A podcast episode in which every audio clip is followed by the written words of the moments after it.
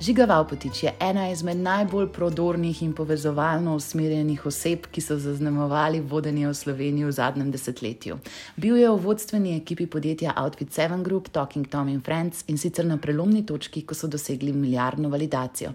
Danes svetuje novim lastnikom podjetja kot zunani svetovalec. Žiga Valpotič je tudi eden izmed ključnih ljudi pri povezovanju slovenskega in kitajskega gospodarstva, mentor in svetovalec številnim podjetjem ter vrhunski strokovnjak na področju vodenja. Že odnegdaj pa je žigo spremljena tudi močna želja, da kreira pozitiven vpliv na svet.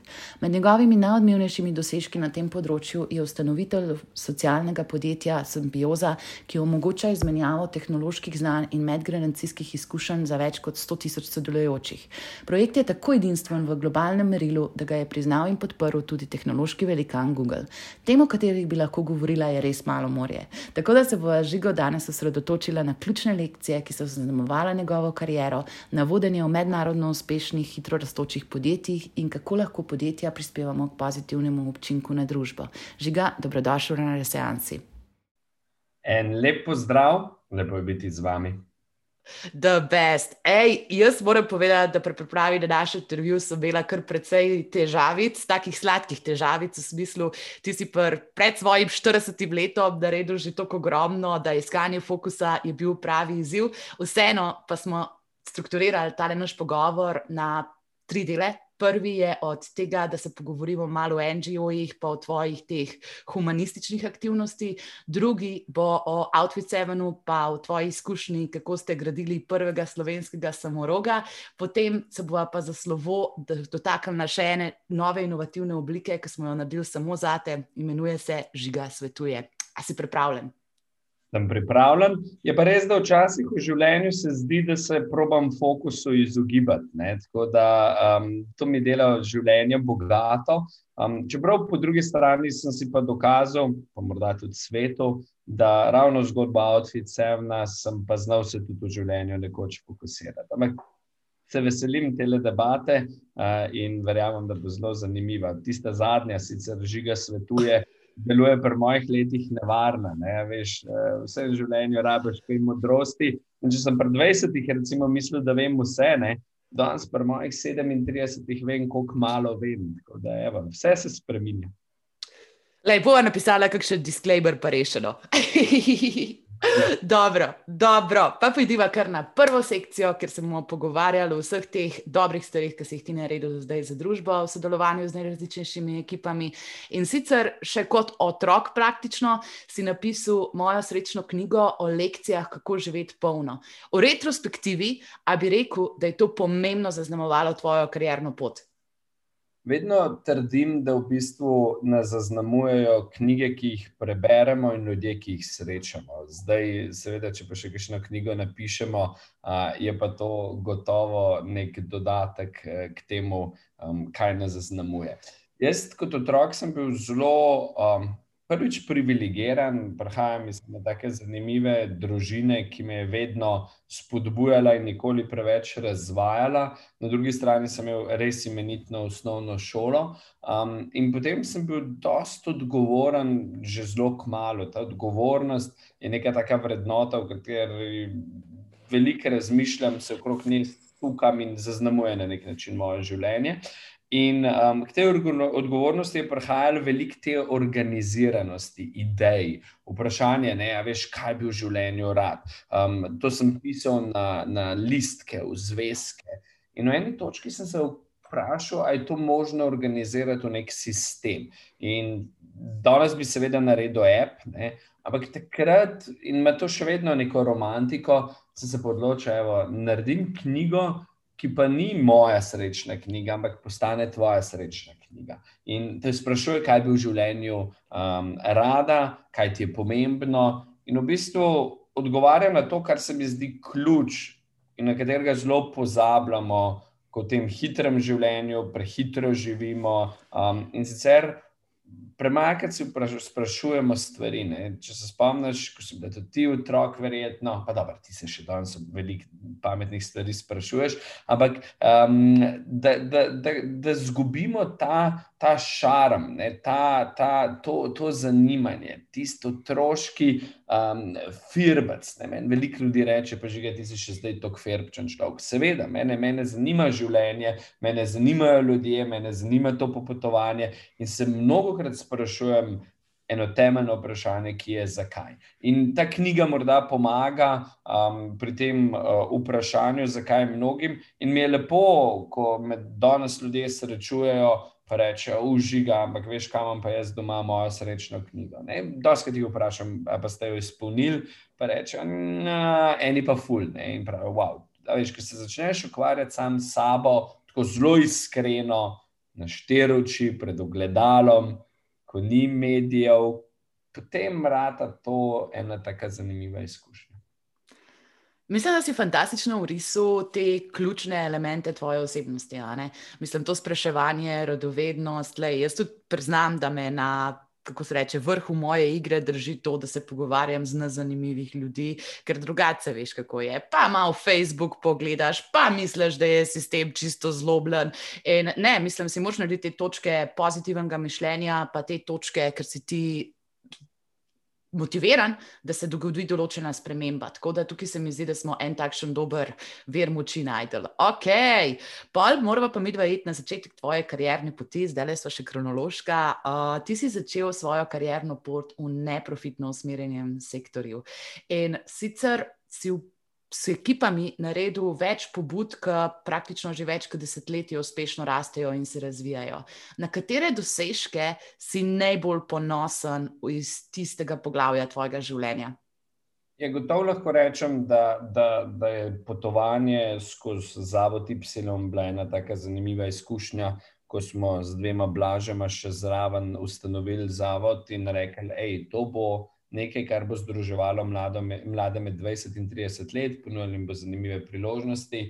Um, in zelo hitro je ta zgodba ustala ali pa postala tako zanimiva, atraktivna, uspešna. Sveda je, kot ponovadi v Sloveniji, zbudila nekaj vprašanj, uh, tuhtan, teorij zarot, ne, kdo je zadaj, kdo so strici, čeprav se mi zdi, da v življenju so tete bolj pomembne, ampak tega, tega še nismo nekako osvojili. Skratka, um, ta, ta zavod Y je bila neka, neka začetna zgodba, um, ki živi še danes. Seveda, večina ljudi je rekla, da poglej ga v Avpotiča, on si postavlja spomenik.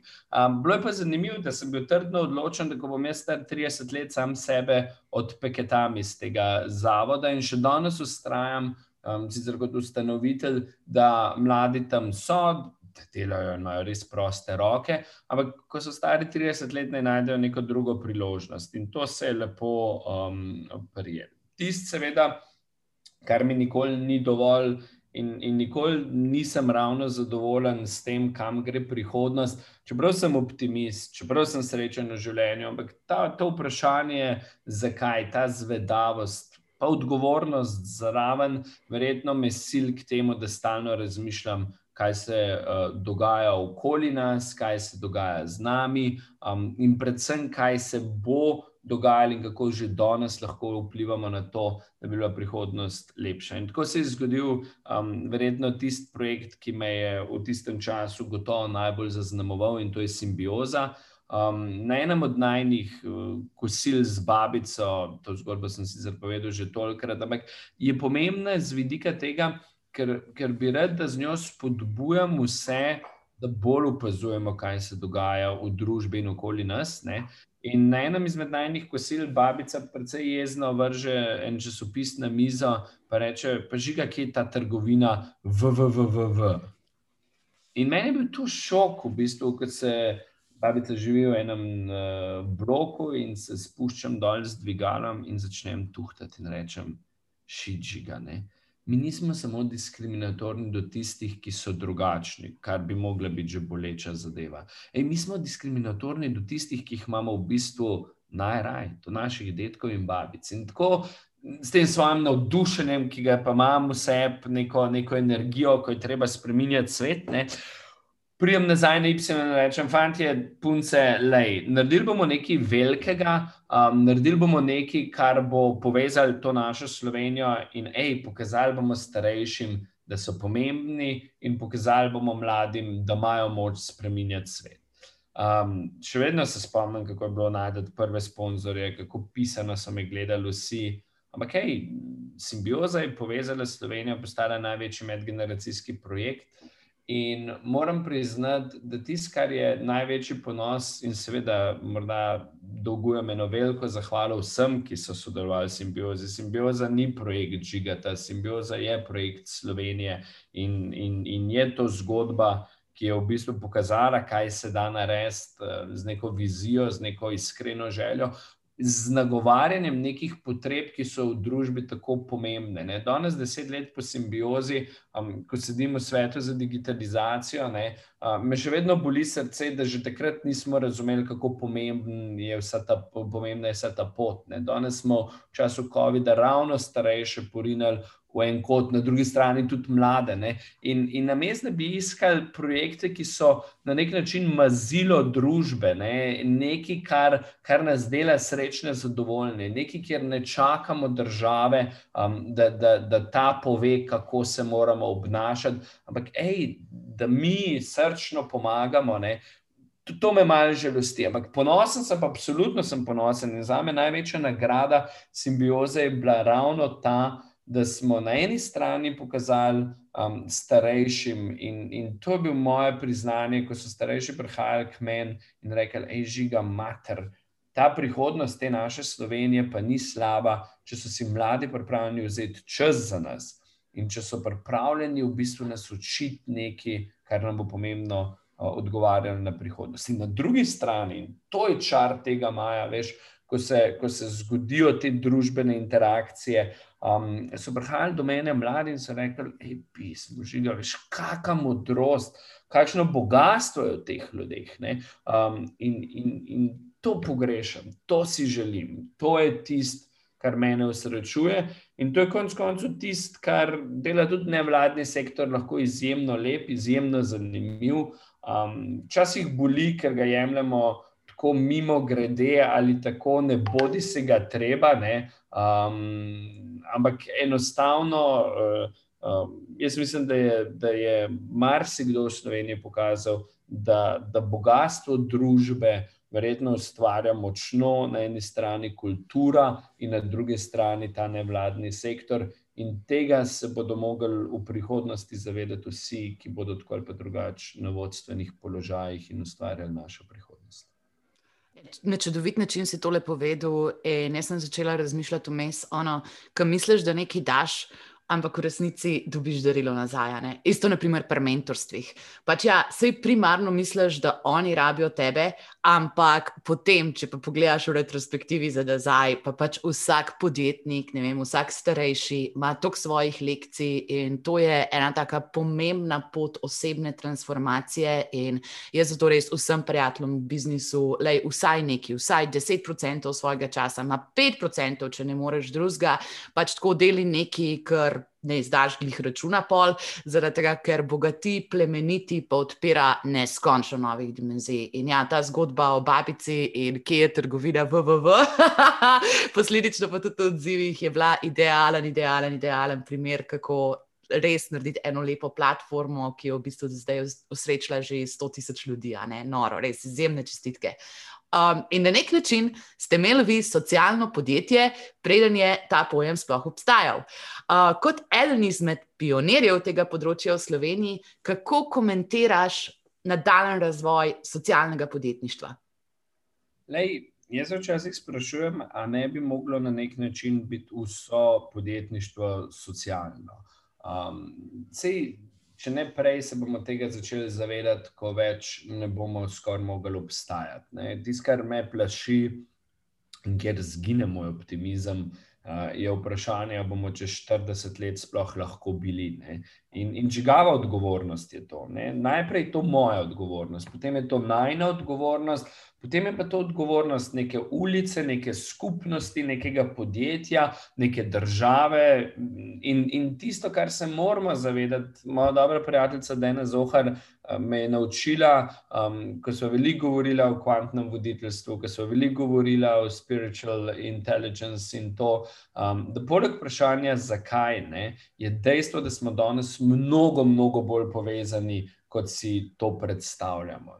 In, in zato, um, ja, vse socialno podjetništvo pa ga definiramo na različne načine. Pa je ta morda prizvok socialnega, lahko uno, kar pomaga revežu. Ma ne, lej, jaz socialno podjetništvo gledam kot odgovorno podjetništvo, ki na nek način razume da vsi v tem prostoru vibriramo, vse, kar naredimo, ima neke posledice, in, in na te posledice gledamo izjemno odgovorno, in se zavedamo, da z našim delovanjem ne da odnašamo prihodnost, ampak da jo so ustvarjamo in delamo svet lepši. Tako jaz razumem socialno podjetništvo.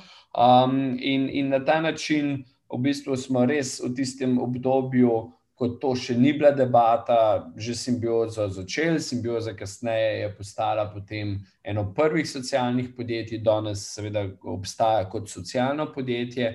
Um, in jaz mislim, da uh, bi lahko Slovenija na tem področju več naredila. Ne? Naš um, izziv, vedno, ko govorimo o Sloveniji, in vidiš, ko, ko, ko začnem govoriti o Sloveniji, mi je včasih hudo, um, ker najprej povem, da imam res, res rad. Ampak, vse veš, tisto, kar imaš res, res rad želiš na nek način malo izboljšati. Ne? In je to res en, en, en tak poklon ljubezni moji, moji domovini. Ampak včasih se ne znamo odločiti, kaj so naše prioritete, kaj so naši uh, fokusi. In če bi znali to narediti, recimo, ravno socialno podjetništvo bi bilo lahko ena izmed naših paradnih zgodb, um, ki bi svetu kazala.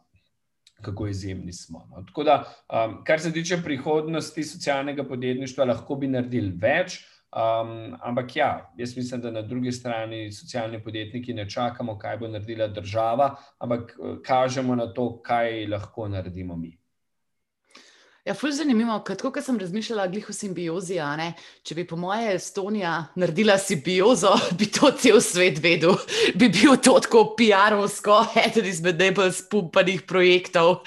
Pri nas pa, ne vem, vse pač tako vemo, da obstaja, ampak ni pa tisto, veš, da bi šli zdaj Slovenci na Expo in povedali, hej, mi smo 100 tisoč državljanov povezali, ki si med sebojno pomagajo, pa razvijamo skupaj informacijske veščine. In klele mi je bilo zelo všeč reči, ker si rekel, a veš, to ponosni bomo na te stvari. Pač ni vse samo tisto, da pomagamo ogroženim skupinam in take zadeve, ampak pozitiven impact na družbo je le nekaj, kar lahko slavimo na isti način, kot kar cifro v bilanci. Pa, jaz mislim, da, da, da, da če se res srčno pogledaš in, in, in razumeš, um, nikoli ne moreš cifre v bilanci tako uh, uh, iskreno proslaviti, kot lahko dobre stvari v družbi proslaviš. Ne? In dejstvo je, da lej, uh, veš, ko moje življenje zgleda včasih kot skup nekih uspehov.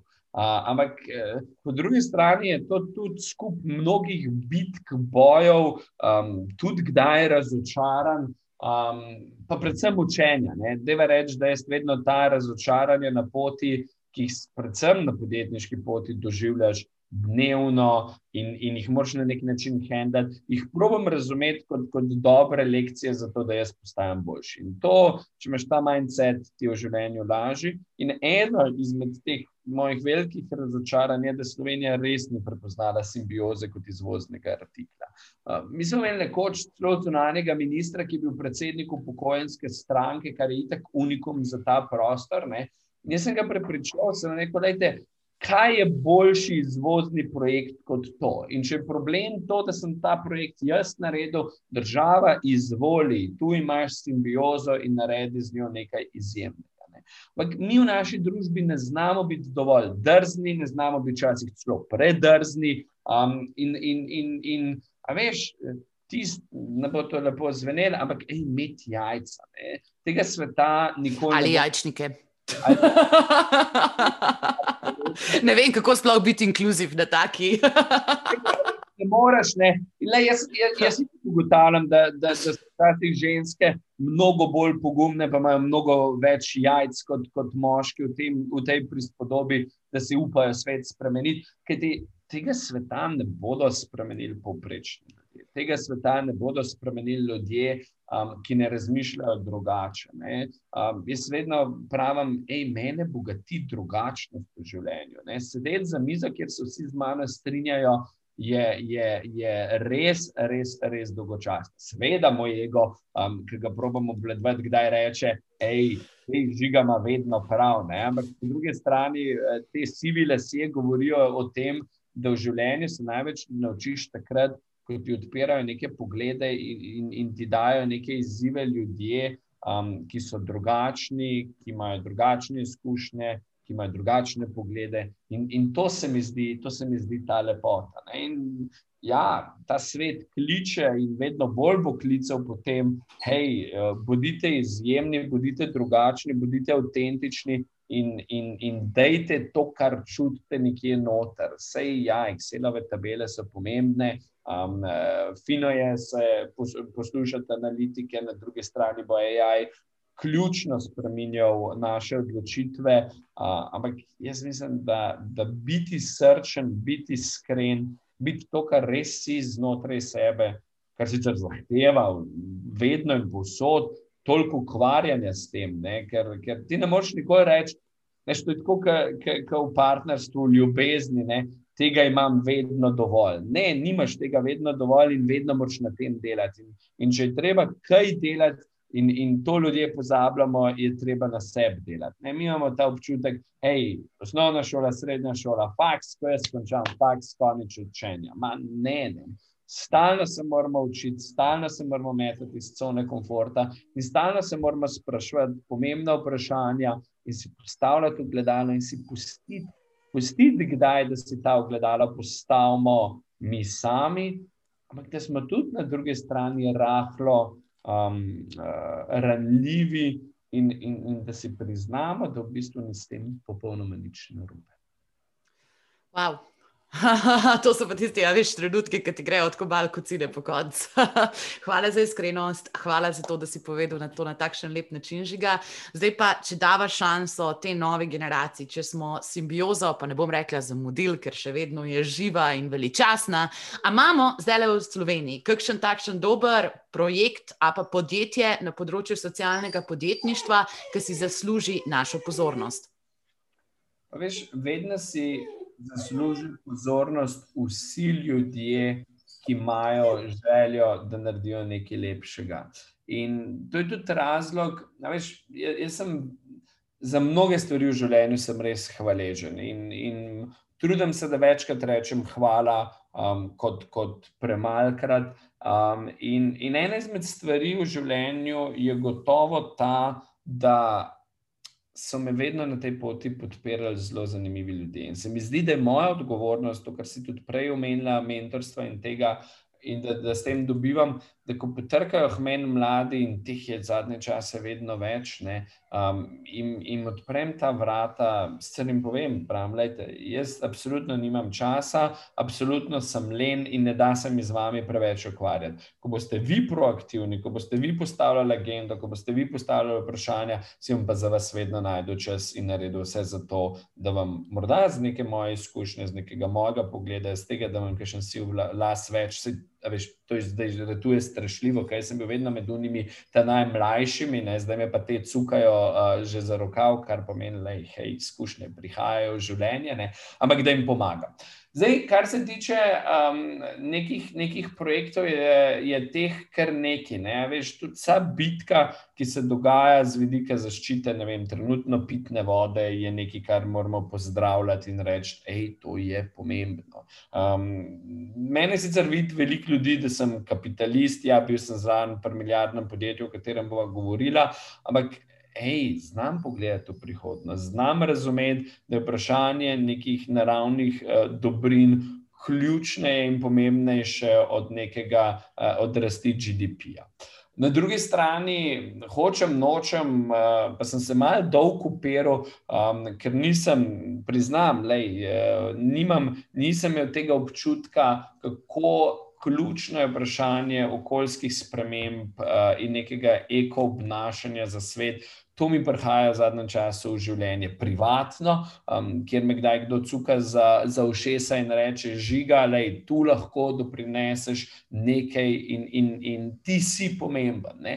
Ker če nas bo sedem milijard pomembnih in bo vsak nekaj doprinesel, ej, to je ta efekt metulja, ki se zgodi. In na drugi strani, a veš, se družim in, in konec koncev je bila ta zgodba outfita ena res lepa zgodba, ker sta dva naredila zelo profitno zgodbo, um, prodala to za milijardo, ampak danes delata nekaj, kar bo ključno igralo v prihodnosti stvari in to je vprašanje. Kaj bo s hrano in kaj bo s planetom. Eš, tako da to, to, kar delajo logini, je nekaj, kar, um, zato ker jih poznam, me, me navdahne z nekim optimizmom. Um, seveda, ima s tem dajem še malo težje breme, kot ga že imata. Um, ampak, lej, točno to, ne, ko bodo najbolj izjemni, najbolj pametni in sposobni ljudje v bistvu hekali našo prihodnost tako iskreno, um, tako brez te neke želje, da bo karkoli manipulirali. Ampak samo zato, da bo na tem planetu v prihodnosti lepše in boljše hej, tu pa pride spet moj optimizem nazaj in rečem, wow. Ne? In le, obtožujete me, da imam roza očala, a, ampak nekaj ljudi v življenju sem dovolj dobro spoznal, da lahko rečem, hej, te pa so iskreni s svojimi nameni. Um, hkrati se mi zdi pa prav, da. In tu je morda povratek na tvoje vprašanje. Ej, na začetku je vsem treba, da treba dati priložnost. Vsem ljudem je treba prisluhniti, Kajti, predvsem slovenska družba, ki je tako majhna, nas hitro sili v to, da smo nekaj o nekom slišali um, in si s tem ustvarjali neko mnenje, ki ni pošteno. Škoda se je to meni v življenju dogajalo, da so vse vedeli ljudje o meni. Sej, če že Google, stric Google, vprašaš, kaj o meni, kaj vse sem jaz bil. Um, kako bom reformiral uh, levico, um, kdo so strici iz ozadja, in en kup nekih insinuacij, ki jih pač delamo v majhnih družbah, kjer imamo občutek, da se vsi poznamo. Pa kaj ta svet v prihodnosti rab? Iskrenost, rab absolutno ljudi, ki verjamejo v, v skupno dobro um, in ki bodo na nek način um, zato, da nam bo vsem dobro prispeval nek svoj košček znanja prihodnosti. Tako da, a veš, ok, pač ja, logine, zato ker se bojo na to navezala tudi kasneje, um, sem morda jim po imenu omenil, ampak veliko ljudi res zanimivo spreminja družbo. Tisto, kar pa je včasih mal tako da jaz pa vprašam, predvsem te mlade, ki so tako uno, power, da jim vse spremeniti, ne? ker sem bil sam na nek način podoben. Je pa, hej, malo se včasih ustavite, malo zadihajte in malo se vprašajte, ali vam lahko kdo s kakšnim nasvetom še kaj doprinese. Ne? Ker, ko se sebe spomnim pred 20-ih, so bili vsi okrog mene uh, neumni, niso razumeli, in jaz bi z veseljem jurišal za zastavo in z uh, vsemi naboji in vsemi temi stvarmi. Lej, ta naboj pozitivne spremembe je lahko dober, lahko je pa tudi rušilen in nima tistega učinka, ki bi ga v bistvu lahko imel, če bi znal vključevati različne poglede, različne izkušnje, in v bistvu spet pridem na to drugačnost, ki je tako pomembna za to, da bo ta svet lep. Ej, ful dobro, zaradi tega, ker s tem sem se glih o Janom Pelozu tudi pogovarjala. In sicer on je rekel, da z leti ratujemo bolj pragmatični. Ti govoriš o sivih leseh, Jan je govoril o pragmatičnosti. Ampak jaz se nam v možganih nekaj spremeni, no, in pač nismo več tako radikalni, ampak uh, imamo mečken več modrosti, mečken več izkušenj, da pogledamo mogoče še kakšno drugo mnenje, pa kako bi ta zadeva utegnila vplivati na nas čez pet let, pač mečken bolj premišljeno se lotevamo stvari. Kar mi je pa fulj zanimivo, zaradi tega, ker zdaj se bova počasi selila v naslednje obdobje tvojega življenja, se pravi, takrat, ko si šel uh, na polno v gospodarstvo in dokazal, da imaš tudi tam brskaj za narediti, pa brskoga za povezati. Ampak še predtem, pa čistko iz vidika vodenja. Zato, ker ta tranzicija, se pravi, iz tega sveta, zdaj moram se pa jaz zelo potruditi, da bom te dva termina prav izgovorila, neprofitnih organizacij in socialnih podjetij, kar pa je ni isto, pa mi boš prosim razložil, nam boš prosim razložil, uh, kako se sistem vodenja pa odločanja v teh entitetah razlikuje. To mene blazno zanima.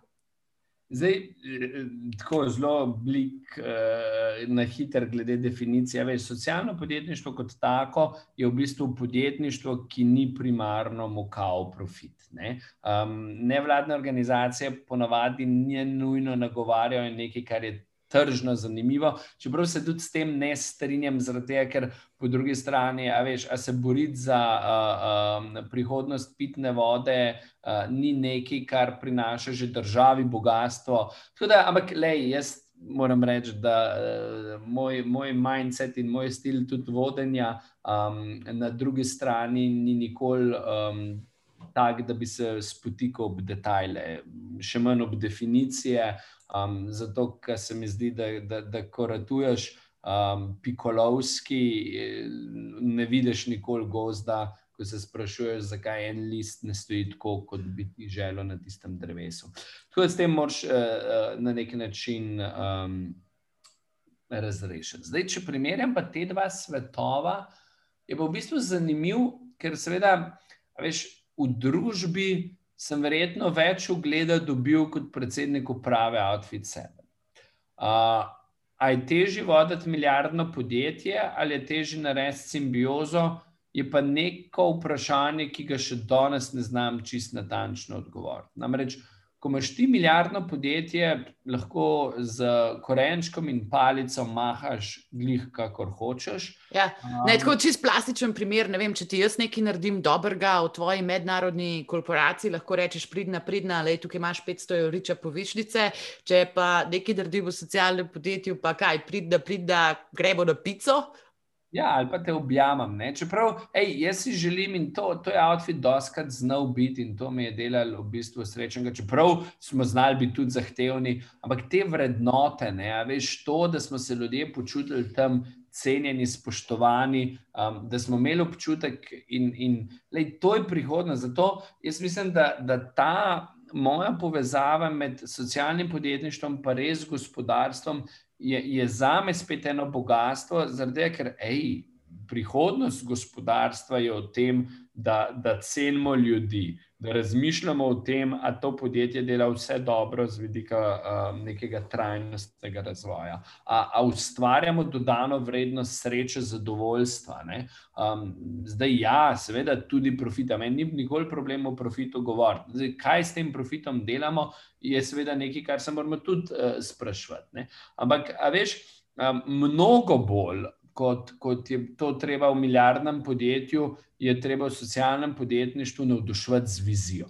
Je treba navduševati s tem, kdo smo, kaj smo in kako bomo svet spremenili. Ampak, hej, ne, prihodnost, pa jaz en verjamem, da je tudi v tem, da ljudje ne bodo hodili zamorjeni v službe, um, kjer delamo absolutno veliko časa in precej pomemben del svojega življenja puščamo tam, ampak da bodo hodili tudi v službo, zato ker so pomembni, ker imajo nek vpliv um, in, in ker želijo biti tudi tam srečni. Ne. Hoditi v službo, um, zato da dobiš tisto plačo, um, in si v bistvu nesrečen 8 ur, in v bistvu v petkih rečeš, oh, hvala Bogu, da je petek uh, in kako grozno je, ker bo čez tri dni ponedeljek. Tega, tega jaz nisem nikoli razumel.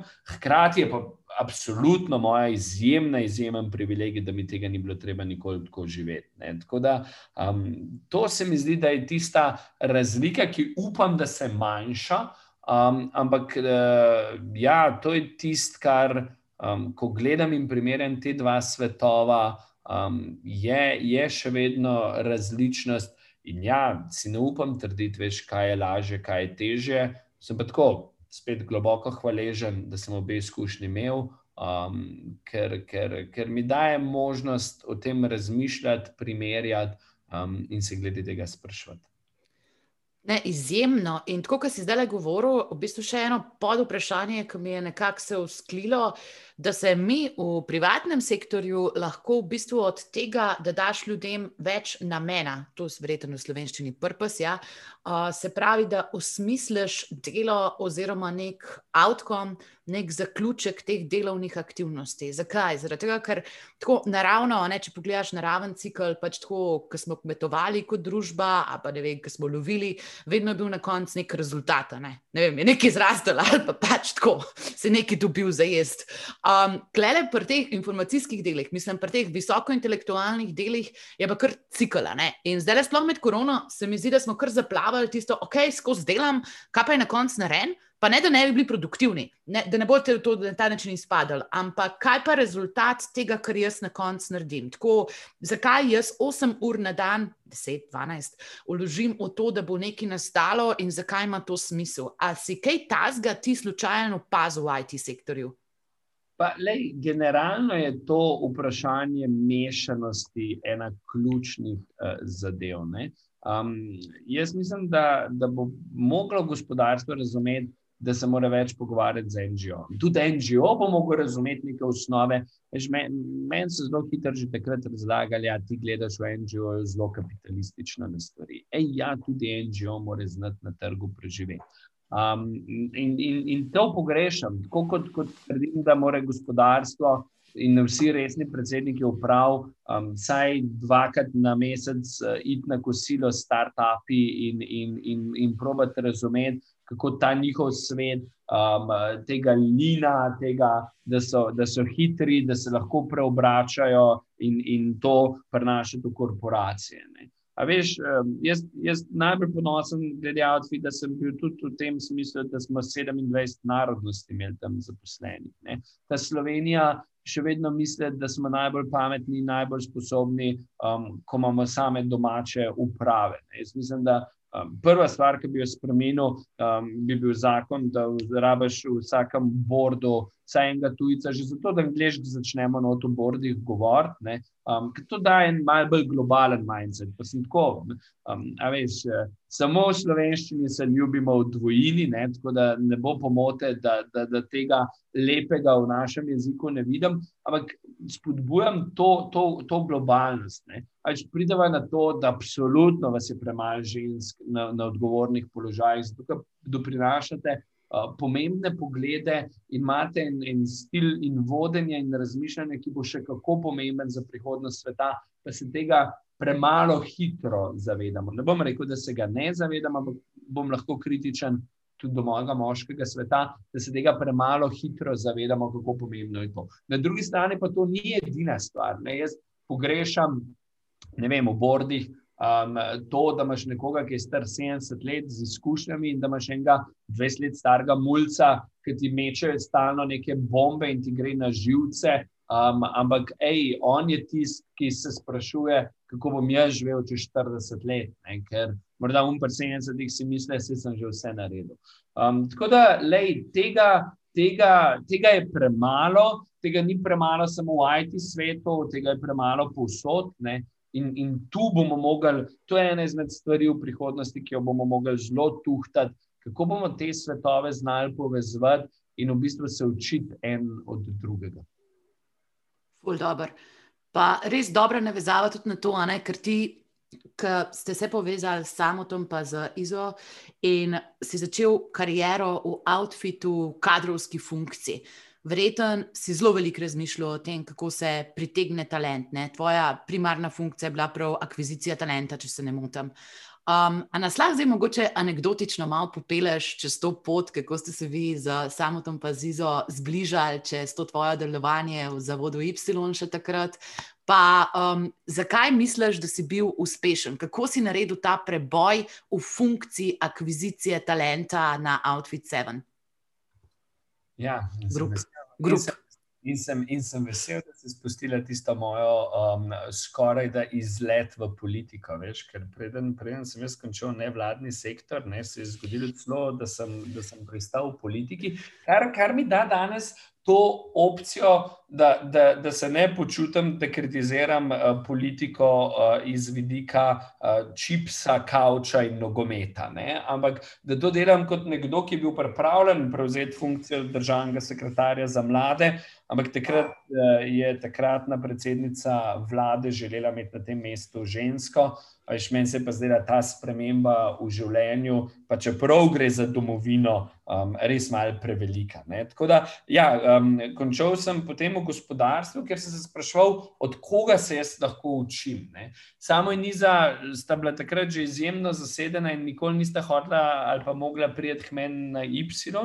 Um, in v bistvu mi smo se začeli pogovarjati o, o sodelovanju pri fundaciji. Ne, to, um, tis, kar jaz, sploh, ko sem bil predsednik uprave um, milijardne firme, nisem na glas velikrat povedal, da zdaj imamo v bistvu magisterij iz upravljanja neprofitnih organizacij. Vidiš, življenje se potem obrne. Ampak debatirali smo o fundaciji, o reševanju sveta in vsem tem.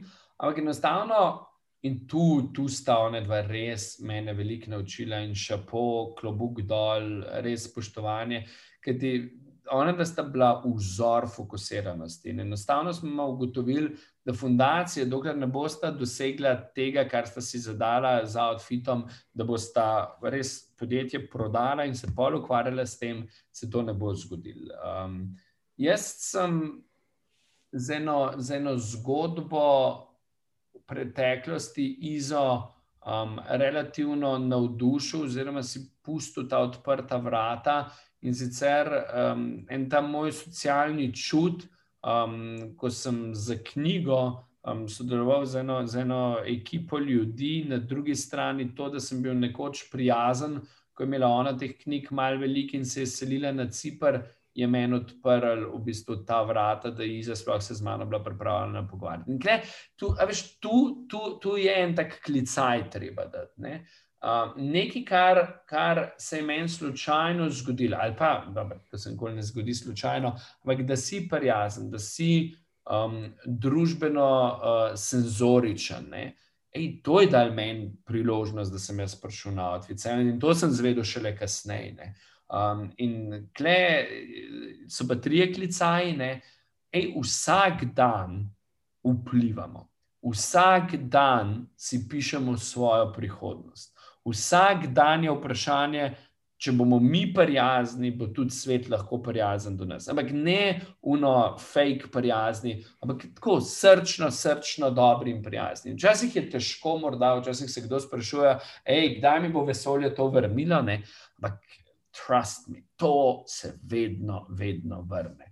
No, in, in tisto, kar je bilo pa zanimivo, je bil ta moj um, uh, uh, hiring intervju, ki je izgledal približno tako: um, žiga, kaj pa znaš, vse, se veš. In to je morda razlika. To je ta, To je ta razlika včasih moške samozavesti in, in, in, in ženske, um, uh, ki se sprašujete in, in ste mnogo bolj previdne. Um, Čeprav še enkrat se mi zdi, da znate biti potem v življenju mnogo boljše. Ampak ja, mi, mi udarmo, ne? mi rečemo, da vse znam. Ne? In seveda ste sledili dve vprašanji, a znaš kodati, in sem mogel odgovoriti, da ne. A se je rekla, a znaš risati. Um, sem rekel, šit, še manj. Zdi se gotovo, ne, da ta moj ego odgovor znati vse v enem takmu podjetju um, hitro dobi realno sliko. Ampak pa je pa rekla, malej, rabim nekoga tudi v HR-u, ki bo naredil en kup enih projektov, um, zber si titel in lej, moj najbolj seksi titel ever je bil Talent Acquisition Specialist. Ne.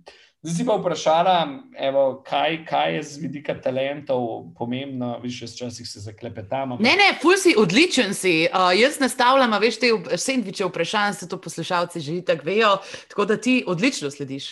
Dobro, probam, probam, probam. Včasih imam malo tega multitaskinga. Ja, ja, dobro ti gre, res ti gre dobro. Evo, greva na akvizicijo talentov. Ja, veš, čeprav ženske včasih ne verjamete moškim, da znamo tudi mi multitaskati, tako da to je pogosta debata uh, v moji družbi med moškim in ženskim svetom. Um, čeprav se ful zgleda, veš, tako, da sem tokrat že omenil ta moški in ženski svet, da ga ful ločem. Ne, ne ločem ga in na živce mi gre, da se pogovarjamo o kvotah um, in, in podobnih stvarih so sicer pomembne, ker, ker je žensk premalo na položajih, ampak hej, moja odgovornost je vedno bila, da sem o tem ne govoril, ampak z dejanji delo. Zavod Y so furale v glavnem uh, na najbolj odgovornih mestih ženske. Um, v outfitu sem se vedno prizadeval, da smo imeli več uh, žensk, tudi v bordih in največjih položajih. Tako um, se mi zdi, da, da, da, da o tem lahko veliko govorimo, ej, ampak na koncu rezultat prenašamo samo s tem, da to delamo z dejanji da, da naredim še ta intermezzo in greva na talente. Talente, um, lej, ključna stvar, ki jo včasih prijazno razlagam, včasih zelo na glas govorim, včasih že kar upijam v tej slovenski družbi, da najboljše zgodbe delajo najboljši ljudje. Amen, basta. In za najboljše ljudi se bori, ampak res bori na vse sorte načine cel svet. In, veš, ko primerjam to ljubo mojo Slovenijo z neko Ameriko, ni vprašanje, kje bi rad živel, kje bi bil rad eh, srečen in kje bi rad vzgajal otroke, zato ker je odgovor zelo preprost. Ampak brutalna bitka talentov pa pomeni, ne, da američani potegnejo za denarnico in te talente lahko neskončno plačujejo. Ne. In, in, in to dela cel svet. In mi se bomo res mogli vprašati, kaj vse moramo narediti za to, da bomo naredili to, da si bodo ljudje želeli prijeti. In mi imamo toliko dobrih stvari, ker če je kje varno, če je kje lepo, če je kje uh, udobje življenja neskončno. Je, je to v Sloveniji. 90 držav sem videl sveta, tako da si upam trditi, da nekaj sveta razumem, um, da lahko to rečem. Ej, ampak če bomo mi kreteni, ne, ki, ki, ki mečemo en drugemu polena pod noge, če mi ne bomo razmišljali o prihodnosti, če se bomo mi še vedno ukvarjali z vprašanji, ko bo prišel na neko proslavo, ki slavi nekaj 50 let nazaj, nas bo svet prehitil levo, desno, pa še naravnost, pa še tri tovrnaki nas bojo povozili. In, in, in tu ratam pa mal živčen, malo mal neprijazen, ker, ker se ukvarjamo popolnoma z napačnimi vprašanji. Um, to, da, se, da, da, da, da hočemo najboljšim talentom pobrati vse denar in vse stvari, ej, plače so nek higienik in ne more nekdo, ki zasluži več državi plačevati neskončno veliko. Ne? Socialna kapica, razvojna kapica, če se mi je, kako jo poimenuješ, je nekaj, kar rabimo za to, da bo Slovenija ratela razvita. Um, to, da lajšamo postopke, to, da ni treba enemu tujcu štiri mesece čakati, da pride po delovno dovoljenje. Ej, to so vse tiste stvari, ki si jih bomo mogli v družbi odgovoriti. Je pa to problem slovenske družbe, kjer želimo biti vsi enaki, kjer je žal neko obdobje zgodovine silil ta pogled um, tega, da je prav, da, da, da, da smo si vsi enaki. Ej, ja, še enkrat, že stotič in milijontič povem, tudi jaz spodbujam socialno državo. Mi moramo pomagati tistim, ki ne zmorejo, ki ne morejo. Ampak, veš, podpirati vse le nuhe in, in, in vse te zadeve, narediti državo, kjer je vprašanje, a delati za minimalno plačo, ki je mimo grede premajhna. In tu skočamo v lase z mojimi kolegi, menedžerji, ko se pogovarjamo. Ej, Moja odgovornost kot vodje je, da ustvarjam večjo dodano vrednost. Če moj biznis ne ustvarja tega, da človek z minimalno plačo ne more preživeti, potem je ta biznis treba ali prestrukturirati ali pa ga zapreti.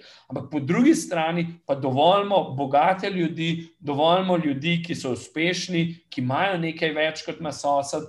In veš, to so ti koncepti, ki so v tej družbi na nek način pomešani, um, kjer ko potuješ veliko po svetu to ugotavljaš, in seveda, ko si v Sloveniji, se o tem dereš. Zdaj sem začel tudi bolj nekdaj govoriti.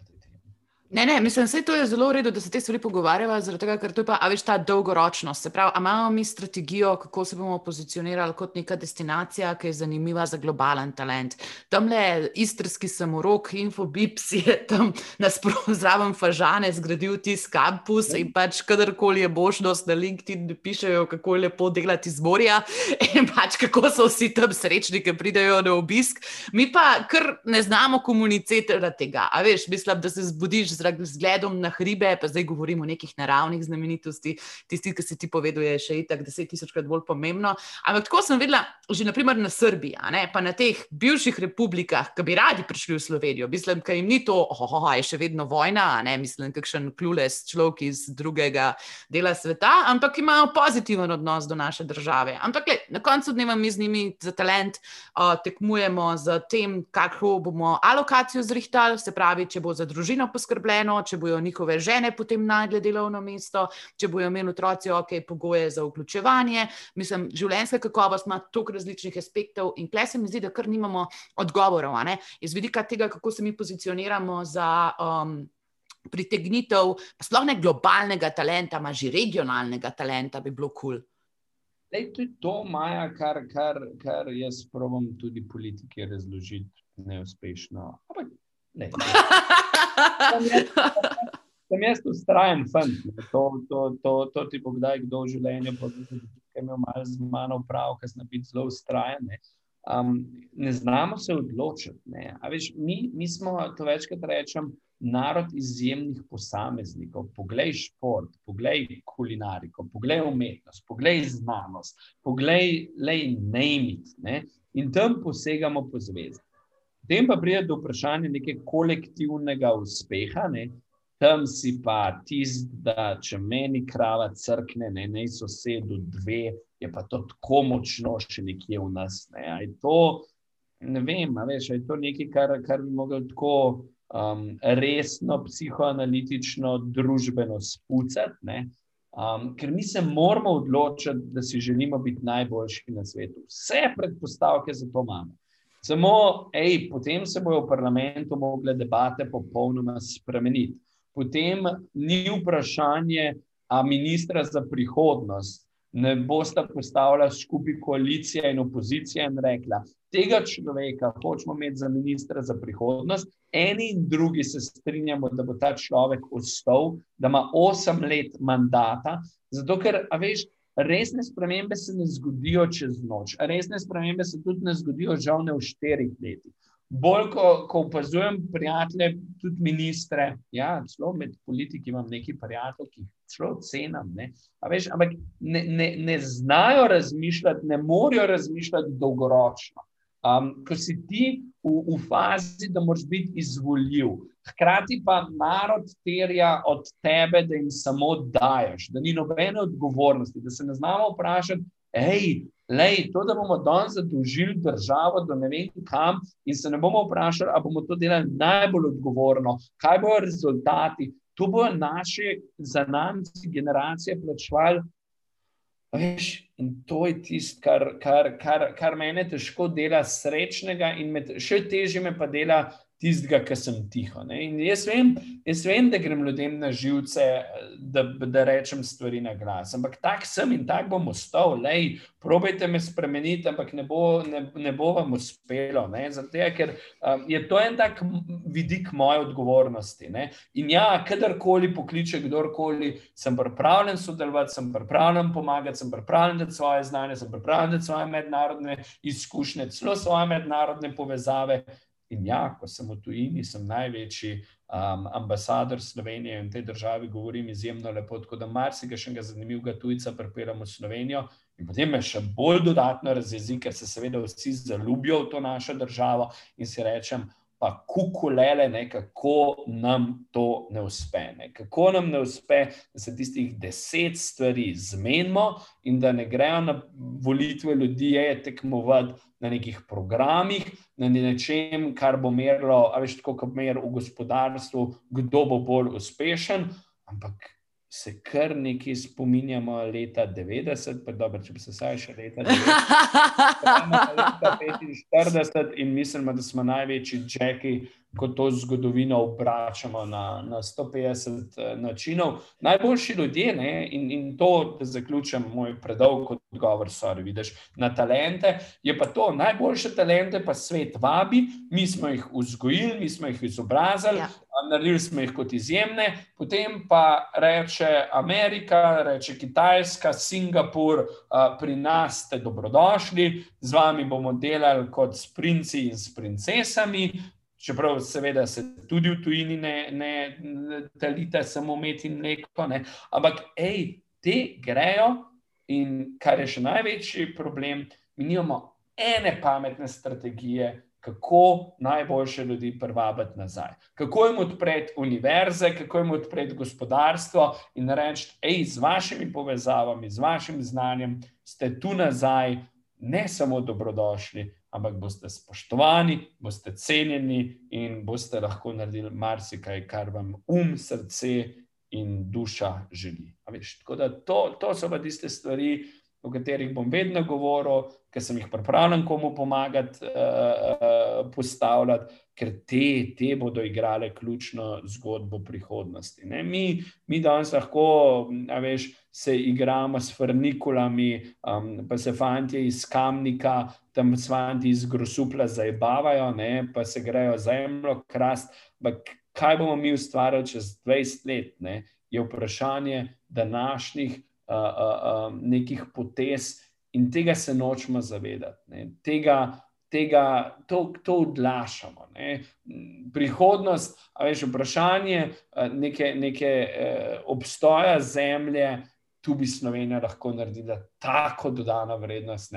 Um, če že pri medgeneracijskem sodelovanju um, nočemo, pa si morda bomo, da jaz ta optimizem prenašam. Ampak to so zgodbe. Veš, Slovenija bo težko bila uh, res najboljša posod, ne? pa ravno pri teh ključnih vprašanjih sodelovanja, ključnih vprašanjih znanja prihodnosti um, um, in, in odgovarjanja na te družbene izzive, da imamo tako priložnost. Uf. Ej, fantastično, tako greva v marsikatero smer, ampak poslušalce so pa obljubila, da bo šla na Outfit 7. A gremo? Moja dolžnost je, da me fokusiraš. Da... Lej, ne vem, bojo potem poslušalci povedali, če bo to dobro gre, ampak v vsakem primeru hvala za iskrenost, pač fantastične odgovore serviraš v vse smeri, ki so res pomembne za razmišljanje. Zdaj pa, uh, ker imaš ti edinstven pogled v to firmo, ker si ogromen tam na redu, da vam mogoče še malo kronološko id, pa te ključne mejnike povedati od Outfit 7, ki si jih ti videl v podjetju. Kako se je podjetje spremenjalo čez leta, kje stvari bi ti izpostavil kot eno izmed vodij na najvišjem položaju tam? Lej, morda sem tak medklic mojih, mojega popotovanja. Se pravi, um, jaz sem prišel na pogodbo, um, bil sem talent acquisition specialist, v treh mesecih sem dobil priložnost, da se selem na Cipr, postal sem chief operation officer enega startupa, ta startup smo rastli, potem pa ugotovili, da ga moramo čez leto in pol zapreti, um, oziroma zmržiti z outfitom. Um, takrat sem dobil izjemno priložnost, da sem rad chief revenue officer.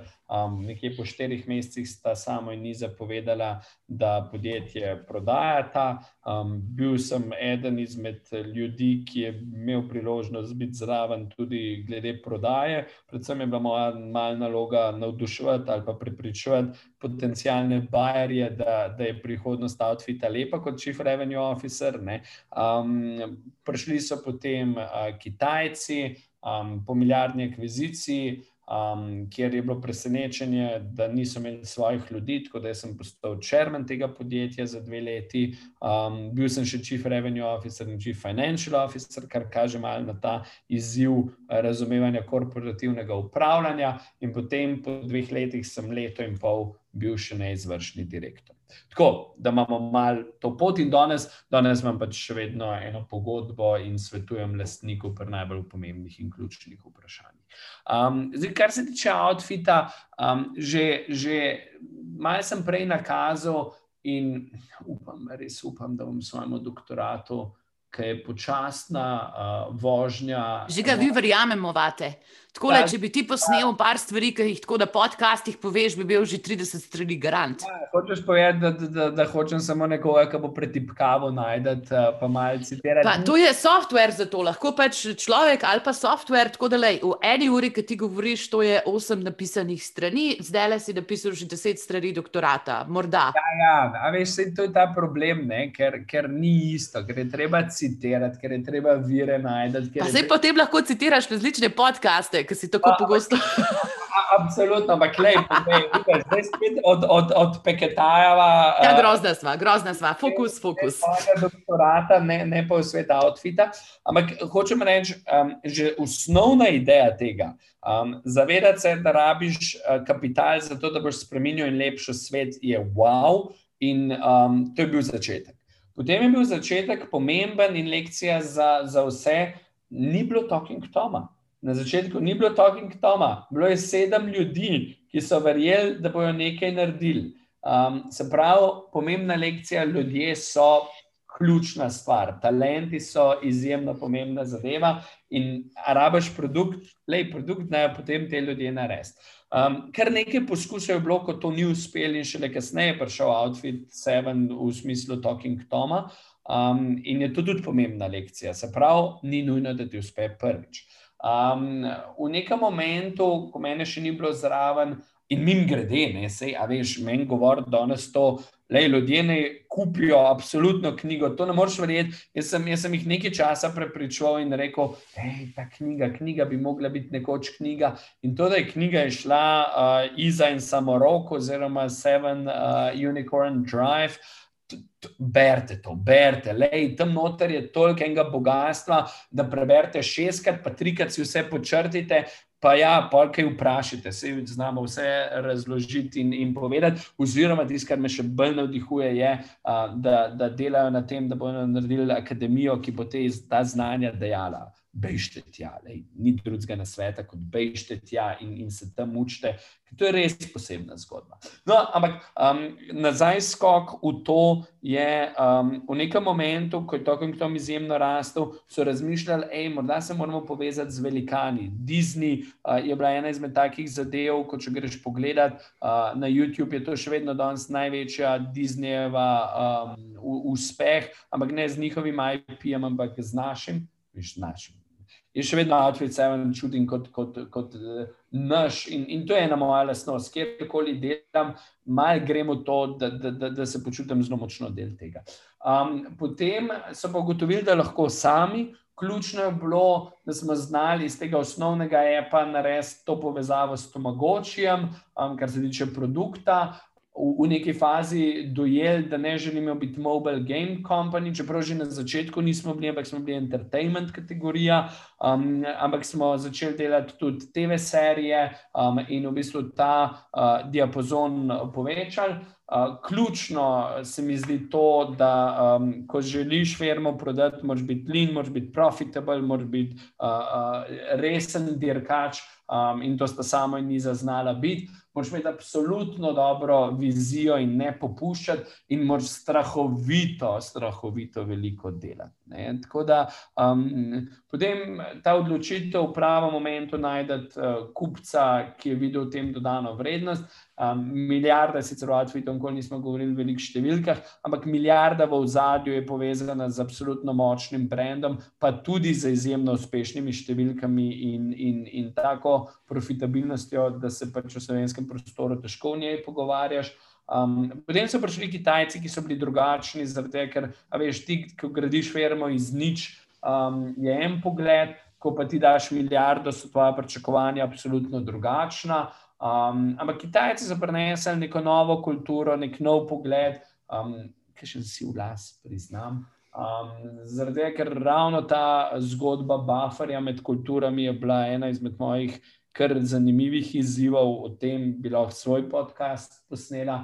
Um, ampak dodali so pa tudi neke nove poglede, uh, širitev enega sortimaja.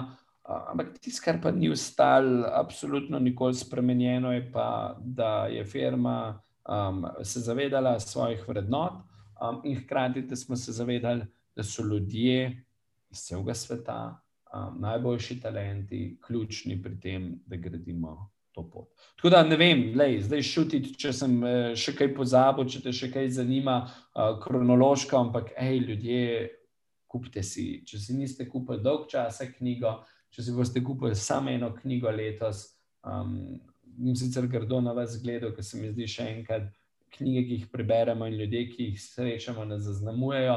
Ampak, če, če je to ena knjiga, si prvošte to knjigo o Outfit 7, ker ker je drugače napisana, uh, ker pove veliko zanimivih stvari, ker jo so jo ustvarjali ljudje, um, ki so res iskreno hoteli nekaj pustiti za tem. In it's a must read, no, kaj ne ti drugače reče. Le, samo enega imamo, ne? tako da samo roga mislim. tako da že samo po sebi je fenomen iz vidika razvoja podjetja, pa leadershipa in iz vidika poslovnih zgodb. Lej, je tako ena taka aktualna uspešnica, ki jih žal. Pač bi jaz rada videla še več v slovenskem prostoru, normalno, ampak definitivno se lahko ogromno naučimo. Žiga, zdaj pa gremo mi treba razbiti en mit. A si pripravljen? Dejva. Dober. Dober.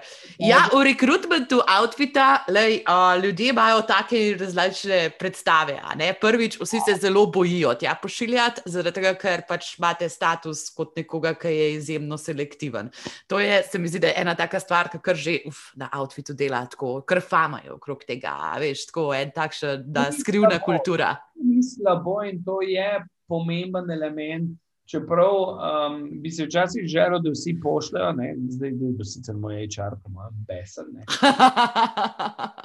Ej, ja, selektivni pa smo, ne? tam ne dela 20 tisoč ljudi, ne? tam dela 300, 350 ljudi, kar pomeni, da, da ja, je treba iz cele množice zbrati najboljše. Ampak eh, mislim, da to ni mit, ki te, ki te zanima. Ne, ne, ne, ne, ne, ne, ne. Mit mi je pa tale testiranje, oziroma pač tako, veš, kako pomembna, naprimer, je ta osebnost, ker cultural fit, pa te stvari, ki so malo bolj psihološke, pa jaz niti ne vem, da bi to v njih, da bi lahko evaluirala vprašanje na prav način, tako da tem prosila za malo um, usmeritve.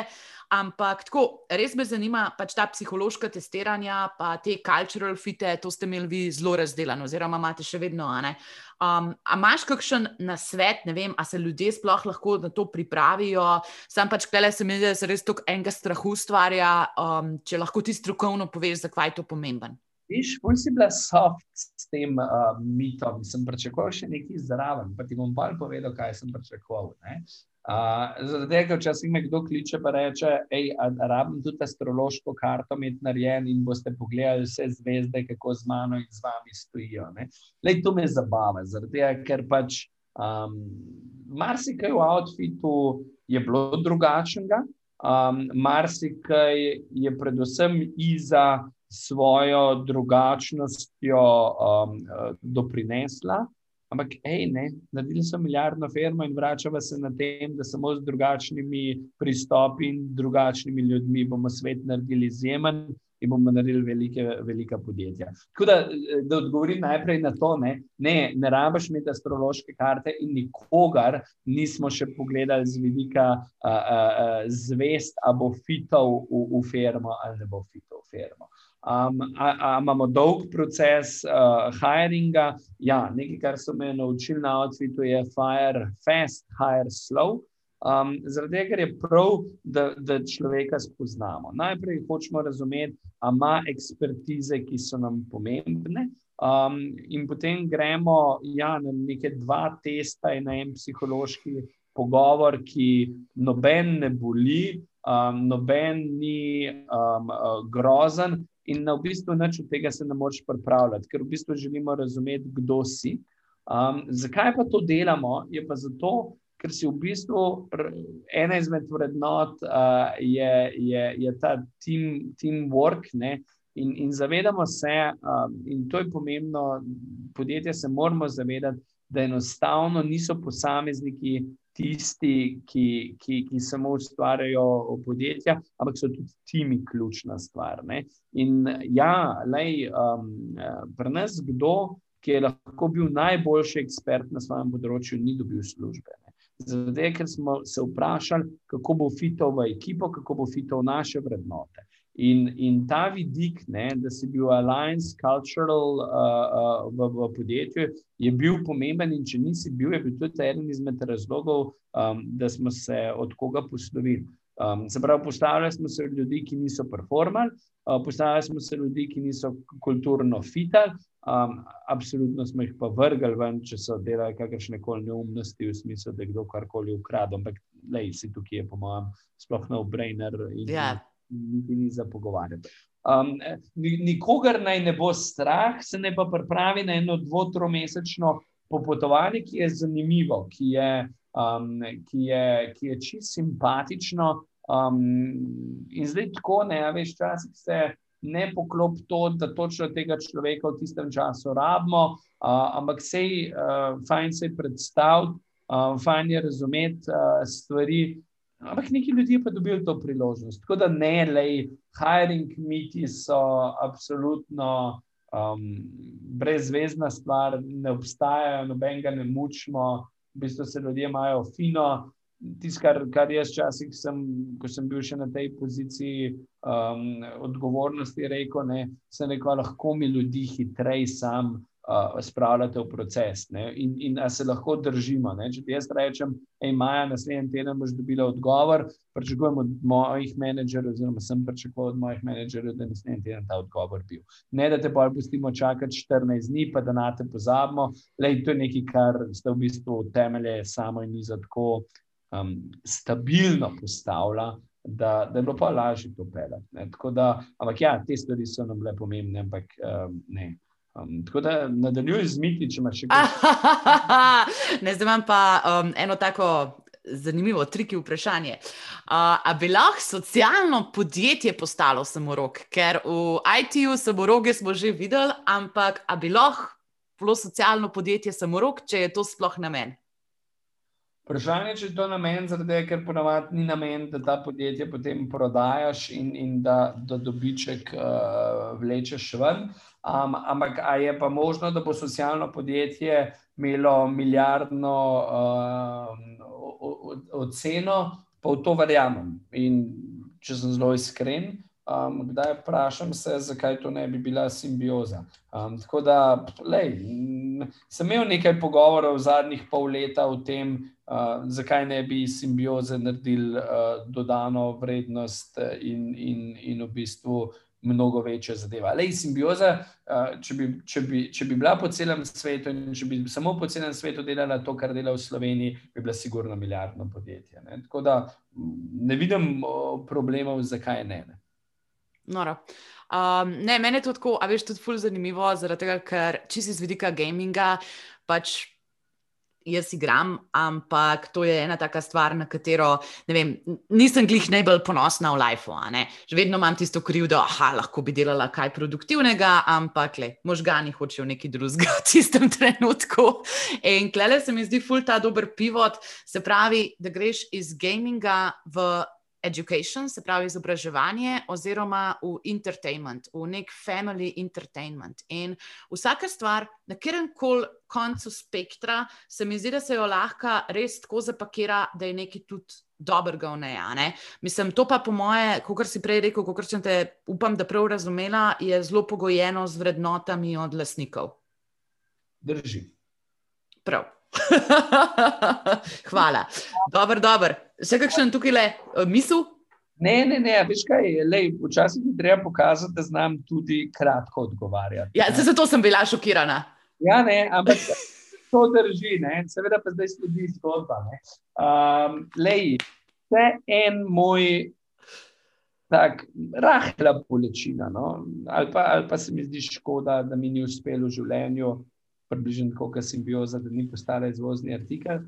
Ko jaz sem razumel in veliko sem se z logini pogovarjal o neki širitvi in teh zadevah, ampak njuna vizija in njun cilj in njuno poslanstvo je bilo jasno, da je treba držati fokus in, in užino, ne? če želiš tako. Pa, ko sem prišel v Kitajce, sem si pa upal, da bomo, da bomo vse naredili, pa se smo veliko naredili, ampak da bomo vse malce upali biti še dodatno drugačni.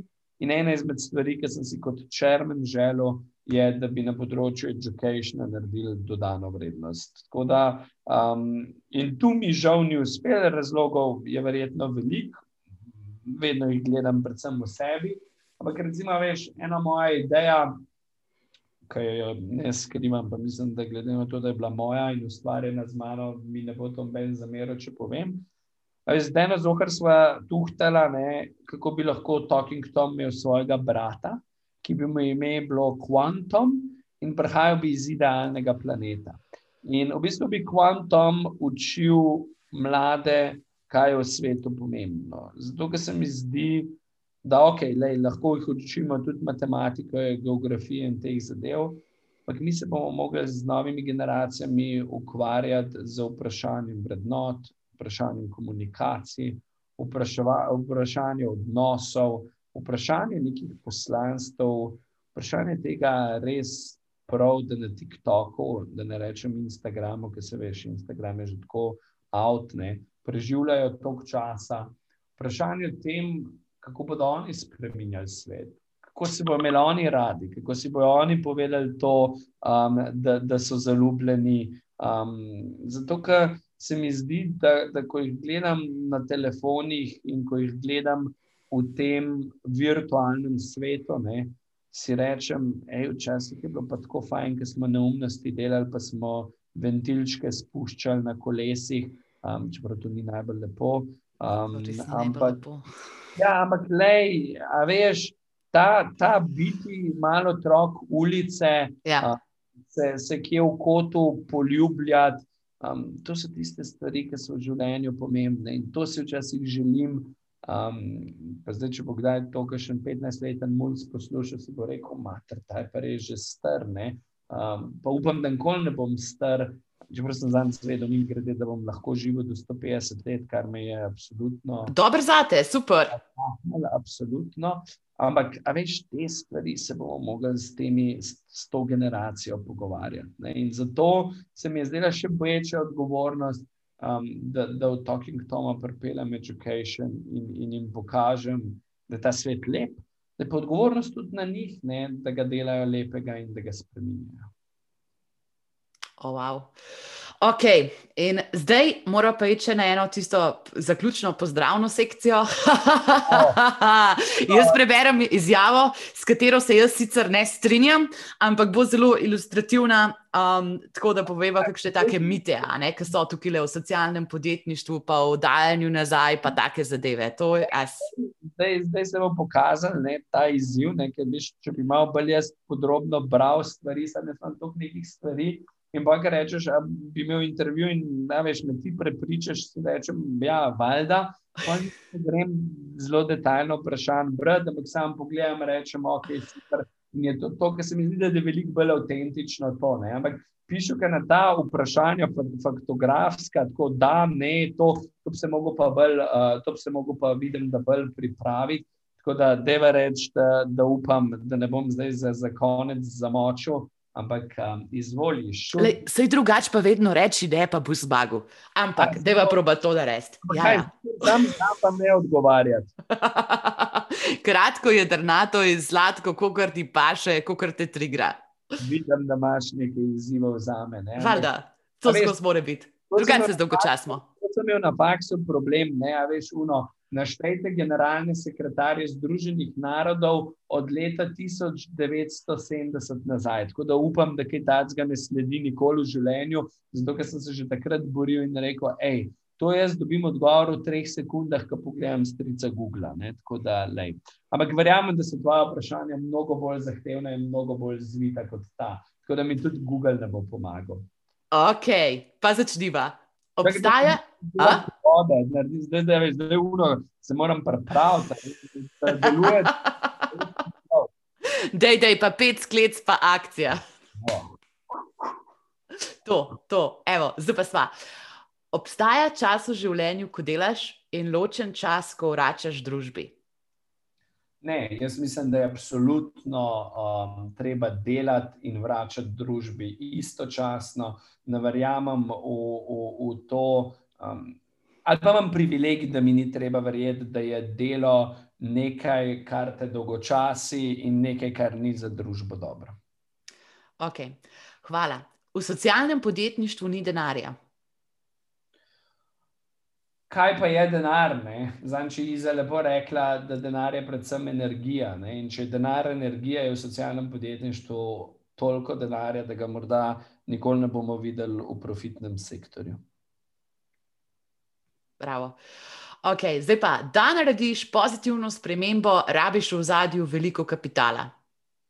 Ne, rabiš samo veliko iskr v očeh, um, iskreno srce, nekaj poguma, pa dovolj si moraš biti tudi renljiv.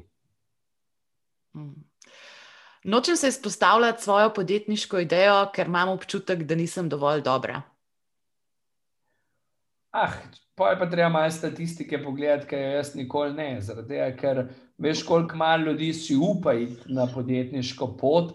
Um, tako da že zato, ker si pripravljena, pripravljen iti na to podjetniško pot, si naredil en tak izjemen korak, da si zato že vredno, da se absolutno izpostaviš. Um, in hej, vedno, ko si na podjetniški poti, um, če neč drugega, si se naučil toliko stvari, da te že jaz z veseljem slišim, poslušam in ugotavljam, kaj se jaz lahko naučim. Ampak uh, vedno je treba malo poguma zbirati, uh, malo se treba znati izpostaviti. Ampak, če kdo, se podjetnice in podjetniki to brez težav lahko, ker imajo toliko izjemnih zadev, da je šapo, uh, veliko je treba poguma, Um, veliko je treba odrekati. Jaz izhajam iz ene družine, ki je bila podjetniška in, in se mi zdi, da je to ful, ful, ful pomembno. In ej, strah je treba samo znati na pravi način nagovoriti. Oh, hvala. Lej, odlično si se odrezal tudi temu nenapovedanemu izzivu. bravo, bravo. Zato ti zdaj lahko podajam mikrofon. Pa, lej, zdaj le pa čist freestyle, tvoja zaključna sporočila, karkoli bi želel te naši poslušalcem, ki so večinoma podjetniki, pa strokovnjaki iz večinoma tehnoloških področji. Um, kaj so tvoja sporočila za njih? Poleg preberite knjigo. To smo že rekli. To smo že rekli. Zdaj bo težko, ker smo veliko stvari rekli. Ja, zdaj bo pa prečesala. Zdaj bo pa prečesala. Absolutno je treba verjeti vase, absolutno je treba zavedati se, da posameznik ima mnogo bolj lahko pomembno vlogo, kot se tega zavedamo. Um, absolutno je treba sodelovati in včasih se treba vprašati, ne samo kaj lahko naredim danes zase, ampak kako lahko v bistvu v družbi prispevam k temu, da je lahko jutri vseh nas skupaj lepši, boljši. In enostavno, če bomo znali biti srčni, če bomo znali biti prijazni, če bomo znali poslušati en drugega, če bomo sprejeli to drugačnost, o kateri smo danes veliko govorili, uh, bo lahko ta svet ne samo za nas, ampak za, tudi za naše zanamce, um, tak, kot si ga oni zaslužijo. Um, zdi pa se mi, da smo na enem zelo pomembnem razpotju, um, ne samo Slovenije, ampak celotne družbe kot take, da bo izjemno, izjemno pomembno, kako bomo vsi doprinašali k temu, kakšna naša prihodnost bo. In s tem, da ljudje rešujejo, ker jaz verjamem, da podjetniki rešujejo in nagovarjajo neke izzive, ej, se toliko priložnosti odpira. Nikoli prej, verjetno, ni bilo bolj zanimivo biti na tej poti, um, ki pa ni lahka kjer je pa treba ustrajati, kjer se je treba včasih še zob polom. Včasih je pametno, da, da, da pravimo pogledati k sosedu, pa se vprašati, kaj se od njega lahko naučimo. In nekaj, kar sem se mogel v življenju naučiti, pa mi gre zadnje čase kar dobro, da grem kdaj tudi jaz kam po pomoč. Ker ko greš po pomoč, greš v bistvu po pomoč. Uh, in, in vsi rabimo kdaj to dodatno moč in prositi za, za nasvet. Prositi za to, da nam nekdo pomaga, ni izraz šibkosti, ampak je izraz spoznanja, da ena plus ena ni nujno dva, da ena plus ena je lahko enajst, ena plus ena plus ena je pa lahko celo sto enajst. Evo, Maja, toliko nekega mojega modrovanja, kakšna, uh, kakšen nasvet, upam, da za užep.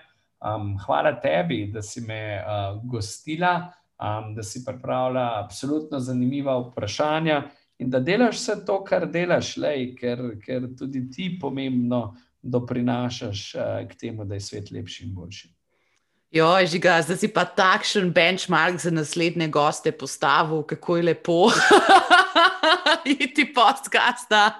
Tako da zdaj imamo eno novo palco. Lej, ne, tisočkrat hvala tebi, pač noro se je bilo že usklejevati s tabo, to si zanimiva osebnost. Jaz upam, da te bo Slovenija videla še pa še, pa še v prihodnosti, ker si en človek z norimi sporočili, tudi pač totalno povezovalno deluješ. Pa jaz, lej, ta iskra od tebe, da bo sam še večji ogen in da imamo skupaj pač res se združiti, da naredimo te kritične spremembe, ki so potrebne, zato da bomo mi kot generacija imeli nek pozitiven vpliv na svet. Um, ja, to se mi zdi, da je eno tako tvoje zelo močno aktivacijsko sporočilo. Hvala tebi še enkrat. Ja, ja, ja, veš, širiti moramo dobre misli, širiti moramo dobre dejanja v bistvu moramo pa širiti tudi kdaj ljubezen. Tako da vidiš, to je to. To epizodo smo posneli v sodelovanju s Slovensko agencijo za mlade, ki v Sloveniji izvaja projekt CIA Social Impact Award. Namen projekta je podpreti in dodati vidnost najboljšim socialnim in družbeno odgovornim podjetjem v Sloveniji, ki jih ustvarjajo mladi. Žiga Valpotič je tudi žirant in mentor pri projektu SIA, kjer so že začeli z aktivnostmi podpore mladim podjetnikom. V maju se bodo zgodili trije Social Impact Weekendi in sicer 14., 21. in 28. maja. Dobrodošli, da se prijavite vsi, ki že imate socialno podjetniško idejo. V primeru, pa da imate močno željo spremeniti svet, ne pa še čisto jasno definirane ideje, kako se lahko priključite tudi triurni delavnici Idea Generation, ki se bo zgodila 11. maja. Vse linke do teh dogodkov bomo dali pod opis epizode, tako da res uljudno vabljeni, da sledite SEO tudi na družbenih omrežjih, ter da se prijavite na programe, ki vam bodo definitivno pomagali pri razvoju vašega družbeno odgovornega podjetja in mogoče bo vaš mentor pri tem prav žigaval potič.